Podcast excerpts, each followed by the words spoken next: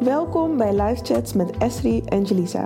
Als sociaal psychologen en women of color nemen we je mee op onze gedachtenreis waarin we hedendaagse, onbesproken en persoonlijke onderwerpen bespreken. Hi en welkom bij een nieuwe aflevering van Live Chats met Esri en Jelisa. Ik ben Esri, sociaal psycholoog en creative en ik zit hier met de prachtige Jelisa. Hi, ik ben ook sociaal psycholoog en creative. How are you doing? I'm good. Hoe voel jij je? Ook goed. Running against the clock, maar doing good. Grateful every day. Grateful to be here. Vandaag gaan we de universe kraken. no, I'm kidding. Ehm, we hebben net wel de kip of het ei verhaal gesolved. It was great. I'm not Ja. gonna share it, want mensen gaan zomaar dingen tegen zeggen. But we know it's true, so Yes. that's what matters. Jelisa, wat is je standpunt tegenover vrije wil? Ik vind het een hele moeilijke. Het kan ook te maken hebben met het feit dat ik nooit echt een keuze kan maken als in het een of het ander. Dus ik zit een beetje in het midden. Ergens Mhm. geloof ik wel dat het bestaat, maar ergens geloof ik ook dat het niet bestaat. Hoe kijk jij ernaar? Oké. Ik geloof vooral dat het niet bestaat. Mhm. Like everything denk ik dat het een spectrum is Mhm. van waar je staat met je geloof. Je kan helemaal geloven dat het bestaat of helemaal niet geloven dat het bestaat en alles daartussenin in nuances. En ik zit meer aan de kant dat het niet bestaat. Mhm. Maar ik sluit het niet helemaal uit. Op hoeveel procent zit je van dat het niet bestaat? 75? Oeh, oké, interesting. Mhm. Jij? Ik denk nog steeds 50-50. 50-50. Misschien verandert dit na dit gesprek, maar nu denk ik dat wel. Oké, voordat we er heel diep induiken, lijkt het me goed om een paar verschillende stromingen binnen de filosofie van vrije wil uit te leggen. First of all, wat is vrije wil? Vrije wil, volgens het internet, want er zijn heel veel definities, maar die wij in dit geval gaan aanhouden, is het vermogen van rationeel handelende personen om controle uit te oefenen over eigen daden en beslissingen. Hmm. Dus het gaat hierin om actie, right? Mhm. Dus de keuze die je maakt en wat je daarmee doet. Ja. Dus niet alleen het gevoel wat je hebt. Hmm. Dat is een belangrijke nuance, denk ik. Dan verschillende stromingen. Dit zijn filosofische stromingen. Dus niet per definitie alles wat er bestaat, maar dit zijn de drie main stromingen binnen de filosofie. Allereerst heb je het libertarisme. En dat zegt dat vrije wil volledig bestaat. Je hebt complete handelingsvrijheid Hmm. Ongeacht externe factoren. Dus ongeacht de geschiedenis in de wereld, ongeacht je eigen geschiedenis in je eigen leven en ongeacht je omgeving. Dus je keuzes zijn dan echt gebaseerd op wat jij wil, zonder de rest mee te nemen? Ja. Oké. Wat v- vind ik al best wel moeilijk is, want Mhm. je hebt altijd externe factoren en we weten vanuit de psychologie en common sense, niet om iemand te niet te Nee. doen, maar ehm, dat we altijd worden beïnvloed door onze omgeving. Ja. Dan heb je determinisme. En determinisme zegt alles wat er gebeurt wordt inevitably, dus onontkoombaar, bepaald door alles wat er ooit daarvoor is gebeurd. Hmm. Dus ehm, dit berust op het principe van causaliteit, wat zegt elke actie heeft een bijpassende reactie. Mhm. En het gevolg daarvan is dat je geen keuzevrijheid hebt. Want als alles wat er ooit in de wereld is gebeurd Mhm. onontkoombaar een bijpassende consequentie heeft, Mhm. dan zijn er geen andere opties mogelijk. Maar dat klinkt toch gek als, want je maakt uiteindelijk toch altijd een keuze. Als Klopt. je hebt meerdere opties en je kiest. Die keuze maak je wel, dus dat doe je wel zelf. Mhm. Je hebt wel gewoon zelf, je handelt zelf, maar je hebt geen andere keuzemogelijkheid. Dus de drie opties bijvoorbeeld die je hebt, Mhm. either one you would pick, valt onder determinisme. Nee, je hebt maar één optie. Oh, dus je hebt eigenlijk zogenaamd drie keuzes. Maar Ja. die ene die je kiest zou je altijd hebben gekozen. Precies. Gebaseerd op wat je Gebaseerd op Mm. alles wat er ooit in de wereld is gebeurd, Mhm. de maatschappij, jouw persoonlijkheid, jouw eigen opvoeding, jouw Mhm. eigen persoonlijke ervaringen, dat allemaal wordt, wordt meegenomen. En op basis daarvan is er geen parallel universum waarin jij een andere keuze zou maken. Want door wie jij bent en door wat er allemaal ooit is gebeurd, Mhm. zal je altijd diezelfde beslissing maken. Interesting. Dus eigenlijk zijn die opties een illusie Exactly. van keuzevrijheid of en zo. dus is vrije wil een illusie. Mhm. Wat hieraan heel interessant is, is dat als jij geen keuzevrijheid hebt, betekent dat dat je geen verantwoordelijkheid hebt voor je acties. Mhm. Want je had nooit een andere beslissing kunnen maken, dus kan je ook niet verantwoordelijk gehouden worden Mhm. voor welke beslissing je wel hebt gemaakt. Mhm. Dus dat heeft heel veel implicaties voor being able to take responsibility. Ehm, dit heeft ook gevolgen voor het rechtssysteem. Want als jij nooit een andere keuze had kunnen maken dan ehm, die criminele handeling die je hebt gedaan, moet je hier ook niet voor gestraft kunnen worden. Want het was buiten jouw controle. heftig. Heel heftig. En ehm, er is ooit een advocate geweest, Mhm. een dame als ik het me goed herinner. En zij heeft op basis van dit principe eh, iemand, of misschien waren het wel twee jongens, Ja. vrijgesproken gekregen. Nee. Ja. Maar is, dan zou ik denken, als advocaat ga je dat vervolgens bij al je cliënten Ja, volgens mij is dat maar één keer gelukt. Als ik het me goed herinner. Ja. Dit is echt heel lang geleden. Philosophy was mijn jam in high school. Maar Ja. daarna heb ik niet meer eigenlijk heel veel boeken gelezen erover. En dan heb je ook nog een derde stroming, het compatibilisme. En dat houdt in dat het vrije wil bestaat, ook als het determinisme waar is. Dus het bestaat sowieso. Dus al geloof je dat het determinisme waar is en dat dus alle oorzaken ook een gevolg hebben, dan heb je alsnog vrije wil. Ja. En dat zijn dus de drie main stromingen binnen de vrije wil. ja, er zijn nog heel veel nuances. Mhm. Maar dit zijn de grootste. En jij gaf dus net al aan dat jij 75% op het bestaat niet zit. Dus 75% deterministisch ernaar kijkt. Ja. Eigenlijk zou ik eerder zeggen compatibilisme. Mhm. Maar meer, meer binnen het determinisme. Oh ja. Dus eh, in plaats van vrije wil bestaat sowieso en misschien is het determinisme waar, geloof Mhm. ik. Determinisme is sowieso waar. Mhm. En daarbinnen bestaat vrije wil. Oh ja. Dus ik zie het zo. Alles heeft consequenties. Mhm. En ik geloof ook in, in causaliteit. En dat eigenlijk waar ik nu ben, Mhm. niet op heel veel andere manieren had kunnen lopen. Omdat mijn opvoeding en omgeving en de wereld allemaal heeft geleid tot waar ik nu ben.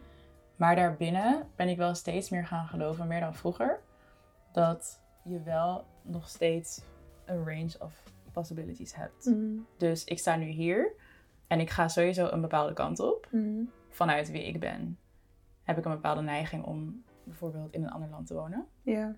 Maar wat ik met die neiging doe, bepaal ik nog steeds zelf. Mhm. Alleen heb ik niet zoveel opties als de illusie. Ja. Dus mijn illusie is, ik kan alles kiezen wat ik wil. Maar realistisch gezien, door mijn persoonlijkheid en mijn persoonlijke, erva- persoonlijke ervaringen en mijn omgeving, ben ik geneigd om een limited amount of opties te kiezen. Mhm.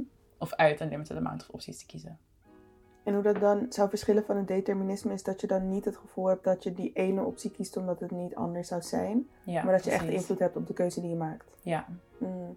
ik geloof dat je nog wel een keuzevrijheid hebt, maar gewoon zeer beperkt. Ja. Eigenlijk alsof je elke keer een soort multiple choice hebt. Mhm. Dus ik, kan, ik heb niet 30 multiple choice opties, maar misschien heb ik er drie. Ja. En daar heb je keuzevrijheid in. Ja, Terwijl volgens het determinisme zou je dat niet hebben. Zou je altijd A of B of C kiezen. precies. Tenminste, dus die Altijd ene. A, bijvoorbeeld. Altijd A. Ja, exactly. Ja. Ik hoor dat wel. En wat ook een ding is, is dat we zijn geen rationale wezens. Die homo economicus, Mhm. waar altijd vanuit gegaan wordt in dit soort filosofie van bijvoorbeeld libertarisme, Mhm. dat je altijd rationele beslissingen kan maken, dat is gewoon debunked. Ja. We maken beslissingen op basis van onze gut. En, dat, en onze gutgevoel wordt gestuurd door onze verleden ervaringen bijvoorbeeld. ja, maar, ook maken we door, altijd beslissingen door onze kat? voornamelijk, Mhm. ook door onze hormonen. Bijvoorbeeld onze levels van dopamine en serotonine op een bepaald moment heeft invloed op de beslissing die wij maken. Mhm. Dus er zijn heel veel factoren die wij niet zien, die ook invloed hebben op uiteindelijk de keuze die we maken. Hmm. Terwijl ik wel geloof dat wij wel rationele wezens zijn. En niet 100%. Dit is dan ook weer zo'n ehm, ding. Interesting, sinds je psychologie hebt gestudeerd. Ja. Want Tell als ik kijk naar mijn eigen keuzes die ik heb Mhm. gemaakt tot nu toe, heb ik ook een paar keer voor een crossroad gestaan. En ik had heel goed iets anders kunnen kiezen. En dan was ik nu ook een. was mijn leven nu anders. Bijvoorbeeld, ik twijfelde tussen rechten en psychologie. Mhm. En- Sorry. Ik heb het gevoel dat jij al gaat zeggen, maar Janisa eigenlijk. Maar, Als jullie konden zien de manier waarop ik naar. Ja. Nee, Yes, oké. Ja. maar ik twijfelde tussen rechten en psychologie. I'm sorry. Ik ging Trying not to judge. Nee, maar dit is rationeel toch? Want uiteindelijk dacht ik, ik ga voor psychologie, want ik wil mensen helpen. Via Mhm. rechten kan ik mensen helpen, via psychologie kan ik mensen helpen. rechten gaat super droog zijn. En psychologie gaat wat spannender zijn om te leren. Dus ik ga voor psychologie. Ja. Dat is toch dan rationeel? Mm, ja, maar ik geloof dat we eerst een beslissing hebben gemaakt en daarna redenen bedenken bij die beslissing. Maar ik had geen beslissing gemaakt. Want ik Denk wilde, je? Nou, maar ik wilde heel lang wilde ik advocaat zijn. Mhm. Heel lang, hè? En pas toen ik... never knew. Ja, want het is echt in mijn verleden. ik studeer, ik heb echt zo lang... Ik begon bij toegepaste psychologie, weet je. Dat is zo lang geleden. Maar ik dacht dus heel lang dat ik advocaat zou worden. En toen dacht ik ineens, hmm, psychologie. Ik weet niet meer hoe dat... Misschien was het tijdens een open dag of zo. Mhm. Dus ik heb eigenlijk juist best kort psychologie willen doen. En Ja. toch ben ik daarvoor gegaan. Maar denk je dat, geloof je echt wel dat het puur rationeel is? Want denk je niet dat je bijvoorbeeld op een open dag was en you were feeling the vibes bijvoorbeeld, dat heeft eraan bijgedragen. En misschien zag je iemand die psychologisch struggelde, dat kan eraan bijgedragen hebben. Er zijn zoveel potentieel externe factoren die bijgedragen kunnen hebben aan dat gevoel, dat ik niet geloof dat wij 100% rationeel zijn. True. Ik geloof ook niet dat we 100% rationeel zijn. Maar de reden dat ik voor psychologie was gegaan was letterlijk mijn lesstof. Dit gaat interessanter zijn. Dat heeft verder niet te maken met iets. Want ik wilde ze allebei doen. Ja. Ik heb zelfs op Facebook gevraagd wat ik moest doen. En toen kreeg ik 50-50 response. Dus ik had er niks aan. dus toen moest ik toch zelf keuze maken. Toen dacht ik, oké, dan ga ik het maar doen op basis van dat. Oké. En om terug te komen op dus dat van hoe ik naar, kijk naar vrije wil. En dat ik dus wel ergens geloof dat het 50-50 is, maar dus ook meer een compatibilist ben. Mhm. Is, ik geloof ook dat alles wat we in het verleden hebben meegemaakt bijdragen aan waar we nu zijn en de keuzes die we nu maken. Mhm. Maar ik kan gewoon niet accepteren dat wij geen vrije wil hebben. Dus ik denk dat dat de reden is dat ik een compatibilist ben. Want ik hou van controle en het idee dat ik mijn controle volledig weggeef aan externe factoren. Dat is voor mij, dan leef ik gewoon, ik volg maar gewoon een pad dat al is, voorgeschreven, is geschreven voor mij of zo. Ja, ik hoor dat. Maar wat als je. Zou je kunnen accepteren dat je, zoals nu, eigenlijk constant voelt dat je controle hebt, maar het misschien onderliggend daadwerkelijk niet hebt? Ja, dat gevoel is heel fijn, het gevoel van controle. Maar ik weet nog toen ik besefte tijdens psychologie, tijdens ons eerste studiejaar of zo, Mhm. ontdekte ik dus dat vrijwil niet bestond. Of tenminste in ieder geval veel minder dan ik dacht. Ja. Want ik weet nog dat we toen ook een vraag moesten invullen. En ik zei, er was iets van hoeveel invloed denk je dat je hebt op de wereld of zo. En ik had echt 90% of echt, weet je wel. Ik Ja. dacht echt, ik kon, I am in control of everything that's happening. En toen ik dus besefte dat dat veel minder was dan ik dacht. Want je hebt natuurlijk al die invloed om je heen. Die uiteindelijk invloed hebben op de keuze die je maakt. ja. Maar daarom vind ik het zo interessant dat je zegt dat je een rationele beslissing hebt gemaakt over je studie. Because I'm like, you know all this. Mhm. Al die factoren die invloed hebben op je beslissing. En nog steeds geloof je dat je gewoon een puur rationele beslissing hebt gemaakt. Niet puur, Oké, oké. maar wel voor een deel. Oké, that's fair. Ik kan niet, we zijn niet, ik kan niet erachter staan dat we geen rationele wezens zijn. Ik denk dat ik daar wel bij kan aansluiten. Mm. Want bijvoorbeeld, back to that multiple choice. Mhm. Als ik drie opties heb, dan kan ik nog steeds verschillende opties afwegen. Precies. Maar ik denk dat ik wel meer dan jij geloof dat andere factoren dat beïnvloeden. Nou, maar ik geloof dus wel, en daarom klink ik super irritant waarschijnlijk nu, want ik ga dit van links naar rechts, maar zie je 50-50. ik geloof dus wel dat andere dingen ook van invloed zijn op de keuze die we maken. Dat geloof ik 100%. Maar uiteindelijk maken wij een keuze. En daarin zie ik inderdaad wel, of heb ik meer het gevoel dat daar meer controle vanuit ons in zit. Mm. Het is altijd wel makkelijk om te denken dat je geen controle hebt over de keuzes die je maakt, vind ik. Ja, dat is een manier om niet verantwoordelijk te hoeven zijn voor Ja. wat, je, wat je doet. Dat vind ik ook altijd heel vervelend als mensen zo. Als mensen bijvoorbeeld iets doen en, en ze zeggen, ja, zo ben ik eenmaal. Precies. Dat is gewoon totaal zero responsibility nemen voor je acties. Ja. En dat zie ik een beetje in het determinisme als ik daarnaar kijk. Van dat is Mm. gewoon heel erg makkelijk verantwoordelijkheid afschuiven aan externe factoren. En Ja. jij kan er niks aan doen. Maar dan vind ik daarom libertarisme, vind ik Mhm. iets te veel. Wel misschien, als je zo erg gelooft dat je vrij wil hebt. Mm. En dat alles wat je doet dus te maken vanuit je interne eigenlijk gedachte of whatever. Dat het Mhm. intern is in ieder geval. Nou, die verantwoordelijkheid, dat gevoel is volgens mij ook super stressvol. Ja, klopt. Dat zie je heel erg in de westerse wereld. Dat heeft te maken met interne en externe locus of control, waar we op terug gaan komen in een Ja. andere aflevering. Ja. Maar het blijkt dat als jij gelooft dat jij invloed op alles hebt om je heen, dat dat eigenlijk ervoor zorgt dat mensen minder gelukkig zijn. Want als je Mhm. leven niet super nice uitpakt, dan is dat volledig je eigen schuld. Precies. Terwijl als je gelooft dat het aan het universum of een god ligt, dan is het niet jouw schuld. Ja. En dan kan je dus ook veel makkelijker vrede mee hebben. Dat zeggen ze ook over religieuze mensen. Ja. En ik ben zelf religieus, maar dat als je gelooft in een god, dan heb je controle om af te schuiven. Ja, Dus je bent niet altijd verantwoordelijkheid voor wat er gebeurt. Verantwoordelijk voor wat er gebeurt. exactly. Maar vanuit daar, Mhm. ik zou best wel vrede kunnen hebben met het idee dat we geen controle hebben over onze acties. Ja, Ja. maar je houdt van controle. Ik hou van controle als in, ja. Ik hou van zeggenschap over mijn Mm. eigen leven. Mhm. eh, autonomie. Dus dat ik zelf in controle ben, in essentie, ja. Maar ik zou het niet erg vinden als dat eigenlijk niet zo is, maar als het alleen mijn gevoel is.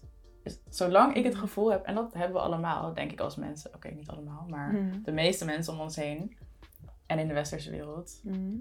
Hebben het gevoel dat zij zelf kiezen wat ze op een dag doen. Ja. Als ik vandaag kies om de tuin mooi te maken, Mhm. en ik kan dat gaan doen, dan geeft mij dat een gevoel van autonomie. Als ik daarin eigenlijk geen andere keuzes had gehad, Mhm. omdat door wie ik ben, dat ik mijn tuin belangrijk vind en dat ik tijd heb en bla bla, alles eromheen, die beslissing, ongeacht wat er ook gebeurt, zou maken, vind ik dat niet erg. Terwijl je eigenlijk diep down weet dat je geen controle hebt.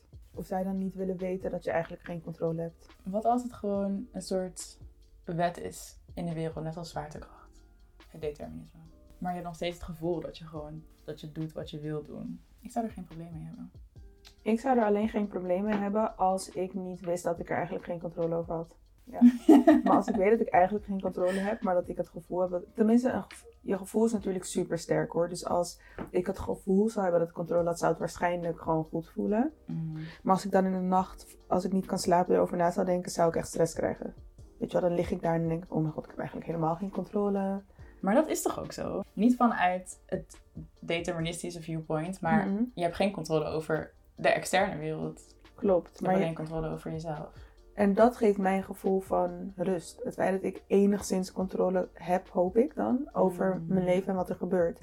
Bijvoorbeeld Ja. fietsers en autobestuurders in Amsterdam zijn gek in hun hoofd. Ik maak geen grap. Ik voorkom dagelijks als ik naar werk ga of waar ik naartoe fiets, Mm. zes ongelukken minstens per dag. Ja. Als ik helemaal geen controle zou hebben, dus alles extern zou zijn, dan zou ik elke keer aangereden worden. Of misschien niet, want misschien zou het in Efteling zo gebeuren dat je niet aangereden wordt. Maar hoe? Want ik moest hard remmen of harder doorfietsen om niet geraakt te worden. Ja, maar misschien heeft alles wat er ooit in jouw leven is gebeurd ervoor gezorgd dat jij op dat moment hard remt. Maar ik heb toch controle over mm, het feit dat ik rem. Die actie, ja. Maar dat, dat je die actie wilt nemen en die actie uitvoert, misschien is dat gewoon een gevolg van everything, Maar kijk, dat vind ik ook niet erg. Want dan heb ik kennelijk ergens controle over. denk je.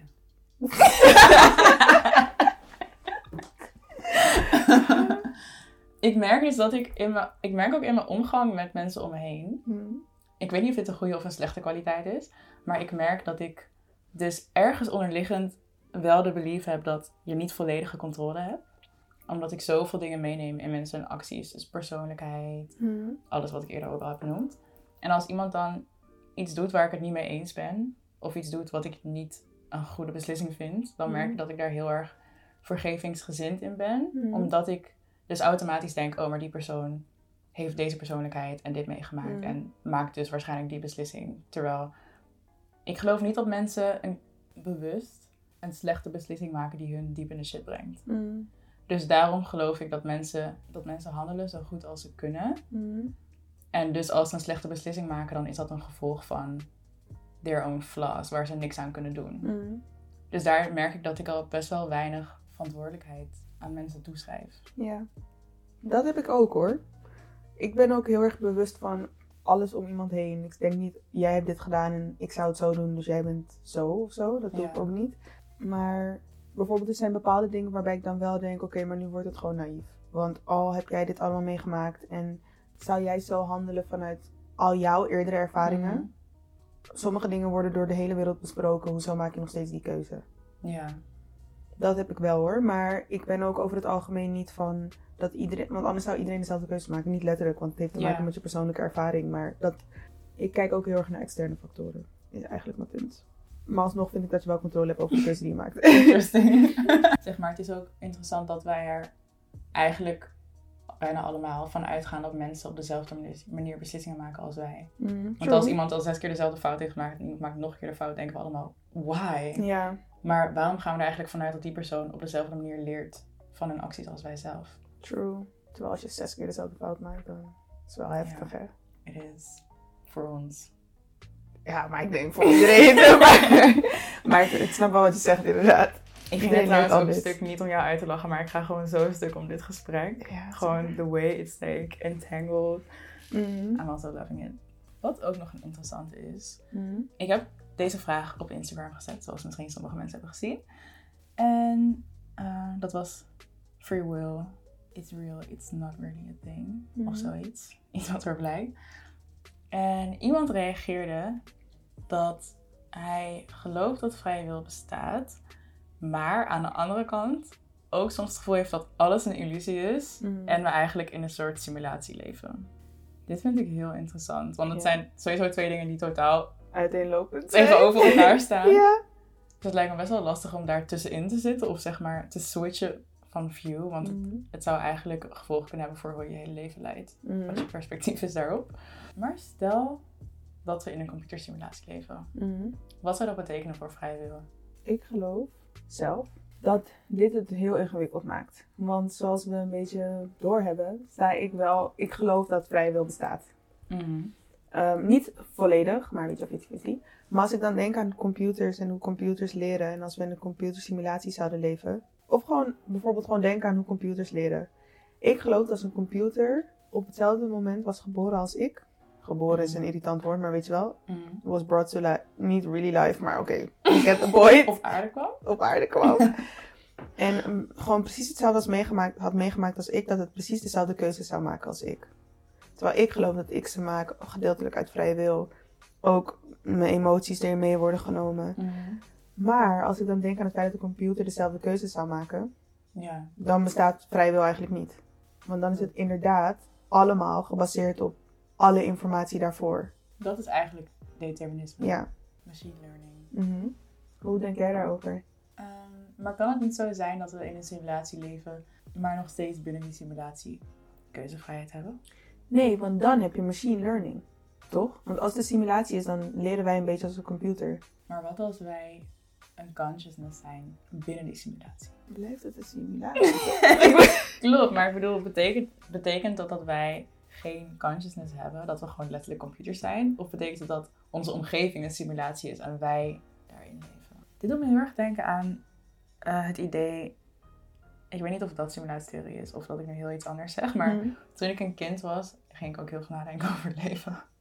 En toen dacht ik wel eens dat iedereen om me heen eigenlijk in service was van mij. Dit klinkt super narcistisch. Klinkt super main character. Niet in service, maar dat ik zeg maar de enige consciousness was en dat alles om me heen gewoon was. Snap je wat ik bedoel? Ja, Jim Carrey heeft daar een film van, toch? Dat alles om hem heen nep was of zo. Het is de Truman Show. Juist. Ja, Maar dat dacht jij dus. Maar dan zou jij dus leven in een simulatie, maar jij zou wel gewoon een bewustzijn ja hebben. dat bedoelde ik net. Dus dat je dan, dat jij wel keuzevrijheid hebt, want hij had ook keuzevrijheid binnen True. die film. Die film gaat eigenlijk over vrije wil. Ja. Ik vind het moeilijk. Ik merk ook, omdat ik me zo erg wil vasthouden en dat we controle hebben, dat ik niet open sta voor alle andere opties.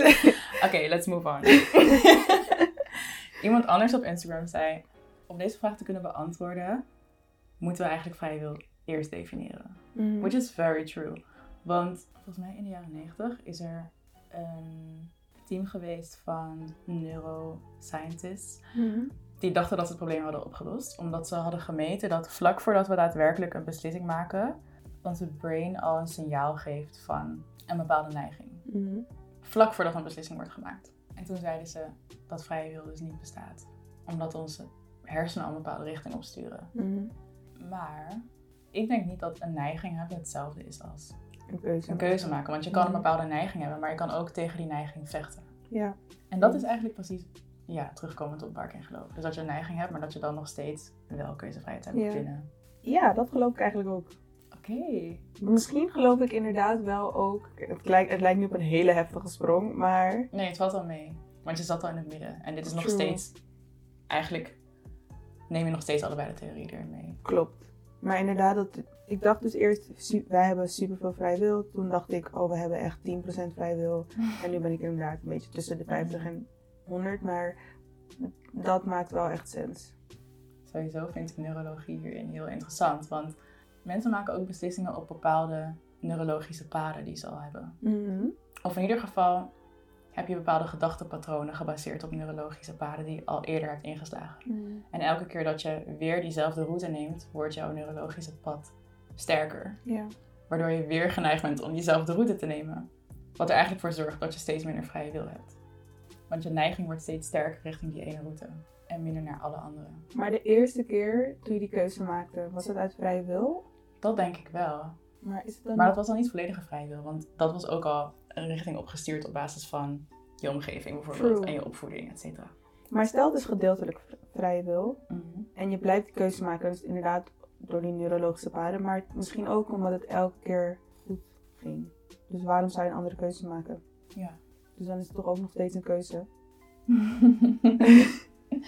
ja, maar heb je echt... Dat zou zijn als je de keuze puur maakt omdat het goed ging. Dus puur rationeel. True. Oh ja. Maar in realiteit heb je al wel een bepaald pad ja. gemaakt. Pathway gemaakt.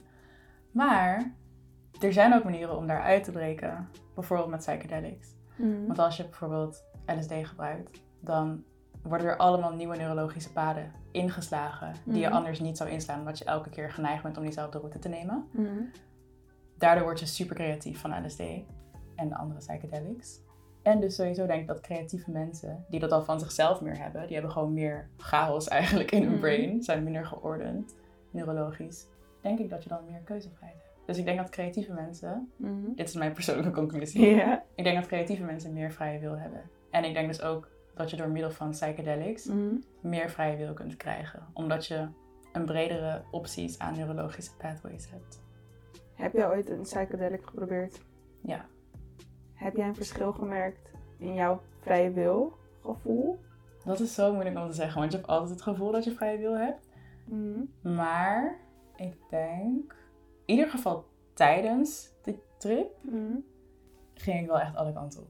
Als in, ik luisterde naar een nummer en ik kreeg random jeugdherinneringen die ik jarenlang, waar ik jarenlang niet aan had gedacht. Dus dat Mhm. laat wel echt zien dat je weer een route opgaat die eigenlijk al bijna was afgesloten, denk ik. Ja. Of die ergens heel diep verstopt zat, die niet, wat geen neiging is. Mhm. Daar ging ik toch naartoe. Dus daarin merk je dat je bepaalde kanten opgaat Mhm. in je gedachten waar je eigenlijk niet snel naartoe zou gaan. Maar zaten die kanten er onbewust wel in? Hadden ze, denk je, helemaal geen invloed op jouw keuzes totdat je die paden soort van weer had geopend door een trip? Ik denk dat, die, dat ze er wel zijn. Want het Mhm. zijn uiteindelijk wel herinneringen Ja. die jou op een manier hebben geshaped. Mhm. Maar ik denk als ze niet echt actief beschikbaar zijn, dat ze minder invloed kunnen hebben op je keuzes. Dan als ze wel Mhm. actief beschikbaar zijn. Ja. Hm, dat hoor ik wel. Eigenlijk moet ik een psychedelic proberen en dan nu heel bewust erachter. Doe het. Kom, we doen het samen. We maken een podcast erover. Eigenlijk moeten we dat doen, hè? Stel, we nemen onze trip op. Wow, dat zou echt ziek zijn. Dat zou wel heel interessant zijn. Well, maybe next time. Probably not, but maybe. No. Wat in het kader hiervan ook nog interessant is, wat iemand op Instagram reageerde, of eigenlijk een gesprek wat we hadden, Mhm. is de invloed van hormonen, maar ook de invloed van zelfs je gut en zelfs je darmen en de flora in je darmen hebben zoveel invloed op je mood en dus ook op de keuzes die je maakt. Dus dat zelfs wat je eet Mhm. uiteindelijk je vrije wil kan beïnvloeden. Dus bijvoorbeeld, bedoel je dan bijvoorbeeld als je iets hebt gegeten waardoor je super moe bent en dan blijf je thuis? Ja, Dat als je dat niet had gegeten, was je uit huis gegaan. ja. Dus een keuze die je maakt vanaf het moment dat je het eet. Ja, maar ook op een dieper level, want ja, je kan moe zijn, maar je Mhm. kan zeg maar, je kan ook bepaalde voedingsstoffen eten die eh, weer bijvoorbeeld serotonine aanmaken of oxytocine aanmaken. Oké, ik weet niet of oxytocine uit een voedingsstof komt, maar je snapt wat ik bedoel. Ja. Ik snap dat wel, want is dan, je weet niet, niet iedereen weet wat ze in hun lichaam stoppen eigenlijk. Ja, Dus als ik iets eet, nu weet je dat super veel suiker, dan werkt je lichaam hard en dan kom je in een dip. Maar als je dat niet weet, dan eet je super veel suiker en dan kom je in een dip. En dan maak je een keuze, onbewust, Precies. doordat je dat had gegeten. En dat is nog direct, maar ook indirect. Gewoon hoe je hele netwerk van flora en fauna worden Mm. beïnvloed op lange termijn. Dus niet alleen direct van, Mm. oké, ik heb nu een appel gegeten en nou feel good. Maar Ja. ook op langere termijn. Net als in je brein, hoe gezond de balans van neurotransmitters is, et cetera. Ja, Dat vond ik ook echt nog een heel interessante insteek, waar ik nog nooit eerder over na had gedacht. Nee, ik ook niet. Damn. Very much damn. Ja, we gaan echt all over the place. Ik denk dat dat ook een beetje de natuur is van deze topic. Mm, zeker. En I kind of like it. Ehm, ik hoop dat jullie hebben gevolgd. Ik ook. En if you did, laat ons alsjeblieft weten wat je denkt. Want het is gewoon een super interessant gesprek, vind ik. En nou heb je ons niet gevolgd, dan kan je natuurlijk ook het gesprek met ons aangaan, want we can still talk about it. Essie Ja. weet er heel veel over. Jullie hebben volgens mij door dat ik er een soort van een mening over heb en er aan vasthoud.